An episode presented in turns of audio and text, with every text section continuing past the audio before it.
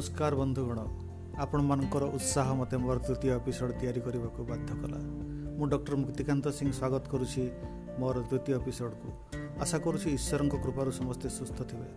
ମୁଁ ଯାହା ସ୍ୱାସ୍ଥ୍ୟ ସମ୍ବନ୍ଧୀୟ ଜ୍ଞାନ ସଂଗ୍ରହ କରିଛି ତାକୁ ଆଜି ଆପଣଙ୍କ ପାଖରେ ବର୍ଣ୍ଣନା କରୁଛି। ଯେତେବେଳେ ଆପଣ କାଢ଼ା ତିଆରି କରୁଛନ୍ତି ତା'ର ବାମ୍ଫକୁ ନାକ ବାଟେ ଆଘ୍ରାଣ କରନ୍ତୁ ଏବଂ ପାଟି ବାଟେ ଛାଡ଼ନ୍ତୁ। ଏମିତି କୋଡ଼ିଏ ଥର କରନ୍ତୁ। କାଢ଼ା ତିଆରି କରିବା ପ୍ରଣାଳୀ ମୁଁ ମୋର ଦ୍ୱିତୀୟ ଏପିସୋଡ଼ରେ କହିସାରିଛି। ଏହି ବାମ୍ଫ ନାକ ବାଟେ ନେବା ଦ୍ୱାରା ଭୂତାଣୁକୁ ଗଳା ପାଖରେ ହିଁ ହରାଇ ଦିଆଯାଇପାରିବ ଯାହାଦ୍ୱାରା ସେ ଆଉ ଫୁସ୍ଫୁସ୍ ବା ଲଙ୍ଗସକୁ ଯାଇପାରିବ ନାହିଁ।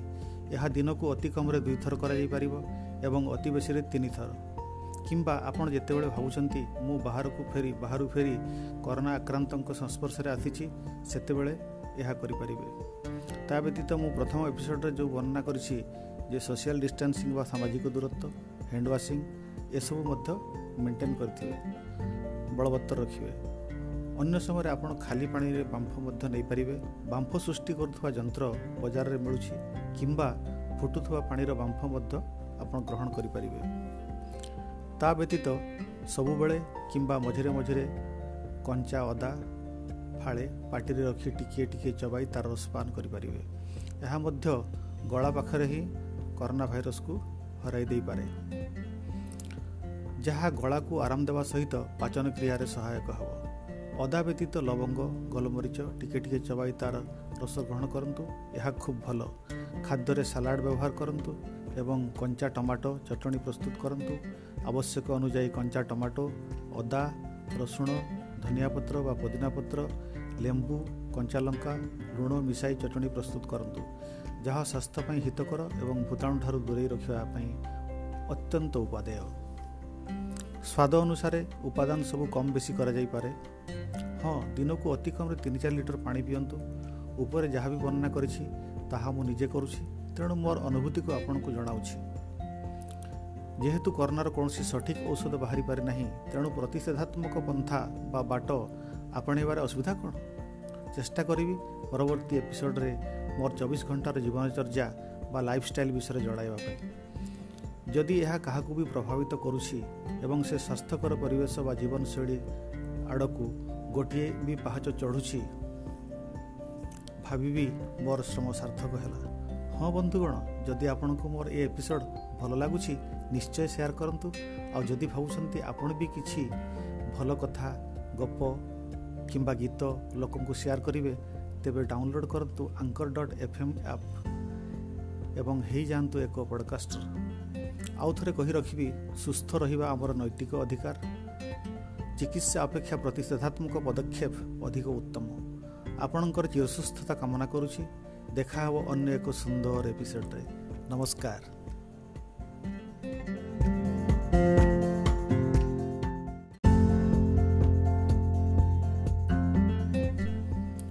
ନମସ୍କାର ବନ୍ଧୁଗଣ।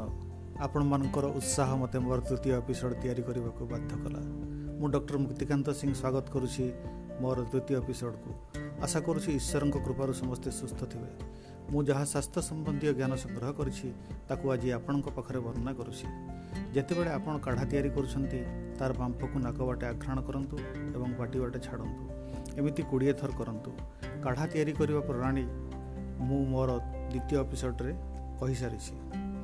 ଏହି ବାମ୍ଫ ନାକ ବାଟେ ନେବା ଦ୍ୱାରା ଭୂତାଣୁକୁ ଗଳା ପାଖରେ ହିଁ ହରାଇ ଦିଆଯାଇପାରିବ ଯାହାଦ୍ୱାରା ସେ ଆଉ ଫୁସ୍ଫୁସ୍ ବା ଲଙ୍ଗସକୁ ଯାଇପାରିବ ନାହିଁ। ଏହା ଦିନକୁ ଅତି କମ୍ରେ ଦୁଇଥର କରାଯାଇପାରିବ ଏବଂ ଅତି ବେଶୀରେ ତିନିଥର। କିମ୍ବା ଆପଣ ଯେତେବେଳେ ଭାବୁଛନ୍ତି ମୁଁ ବାହାରକୁ ଫେରି ବାହାରୁ ଫେରି କରୋନା ଆକ୍ରାନ୍ତଙ୍କ ସଂସ୍ପର୍ଶରେ ଆସିଛି ସେତେବେଳେ ଏହା କରିପାରିବେ।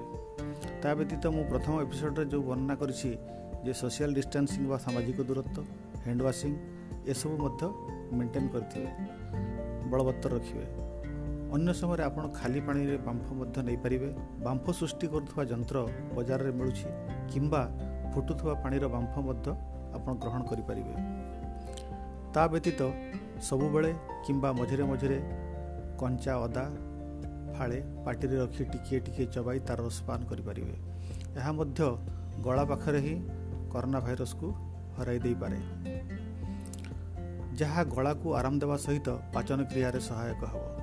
ଅଦା ବ୍ୟତୀତ ଲବଙ୍ଗ ଗୋଲମରିଚ ଟିକେ ଟିକେ ଚବାଇ ତା'ର ରସ ଗ୍ରହଣ କରନ୍ତୁ ଏହା ଖୁବ୍ ଭଲ। ଖାଦ୍ୟରେ ସାଲାଡ଼ ବ୍ୟବହାର କରନ୍ତୁ ଏବଂ କଞ୍ଚା ଟମାଟୋ ଚଟଣି ପ୍ରସ୍ତୁତ କରନ୍ତୁ। ଆବଶ୍ୟକ ଅନୁଯାୟୀ କଞ୍ଚା ଟମାଟୋ ଅଦା ରସୁଣ ଧନିଆ ପତ୍ର ବା ପୋଦିନା ପତ୍ର ଲେମ୍ବୁ କଞ୍ଚା ଲଙ୍କା ଲୁଣ ମିଶାଇ ଚଟଣି ପ୍ରସ୍ତୁତ କରନ୍ତୁ। ଯାହା ସ୍ୱାସ୍ଥ୍ୟ ପାଇଁ ହିତକର ଏବଂ ଭୂତାଣୁ ଠାରୁ ଦୂରେଇ ରଖିବା ପାଇଁ ଅତ୍ୟନ୍ତ ଉପାଦେୟ।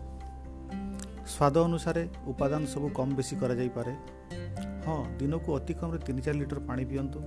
ଉପରେ ଯାହା ବି ବର୍ଣ୍ଣନା କରିଛି ତାହା ମୁଁ ନିଜେ କରୁଛି। ତେଣୁ ମୋର ଅନୁଭୂତିକୁ ଆପଣଙ୍କୁ ଜଣାଉଛି। ଯେହେତୁ କରୋନାର କୌଣସି ସଠିକ୍ ଔଷଧ ବାହାରିପାରେ ନାହିଁ ତେଣୁ ପ୍ରତିଷେଧାତ୍ମକ ପନ୍ଥା ବା ବାଟ ଆପଣେଇବାରେ ଅସୁବିଧା କ'ଣ? ଚେଷ୍ଟା କରିବି ପରବର୍ତ୍ତୀ ଏପିସୋଡ଼ରେ ମୋର ଚବିଶ ଘଣ୍ଟାର ଜୀବନଚର୍ଯ୍ୟା ବା ଲାଇଫଷ୍ଟାଇଲ୍ ବିଷୟରେ ଜଣାଇବା ପାଇଁ। ଯଦି ଏହା କାହାକୁ ବି ପ୍ରଭାବିତ କରୁଛି ଏବଂ ସେ ସ୍ୱାସ୍ଥ୍ୟକର ପରିବେଶ ବା ଜୀବନଶୈଳୀ ଆଡ଼କୁ ଗୋଟିଏ ବି ପାହାଚ ଚଢ଼ୁଛି ଭାବିବି ମୋର ଶ୍ରମ ସାର୍ଥକ ହେଲା। ହଁ ବନ୍ଧୁଗଣ ଯଦି ଆପଣଙ୍କୁ ମୋର ଏ ଏପିସୋଡ଼ ଭଲ ଲାଗୁଛି ନିଶ୍ଚୟ ସେୟାର କରନ୍ତୁ। ଆଉ ଯଦି ଭାବୁଛନ୍ତି ଆପଣ ବି କିଛି ଭଲ କଥା ଗପ କିମ୍ବା ଗୀତ ଲୋକଙ୍କୁ ସେୟାର କରିବେ ତେବେ ଡାଉନଲୋଡ଼୍ କରନ୍ତୁ anchor dot F M app. ଏବଂ ହେଇଯାଆନ୍ତୁ ଏକ ପଡ଼କାଷ୍ଟର।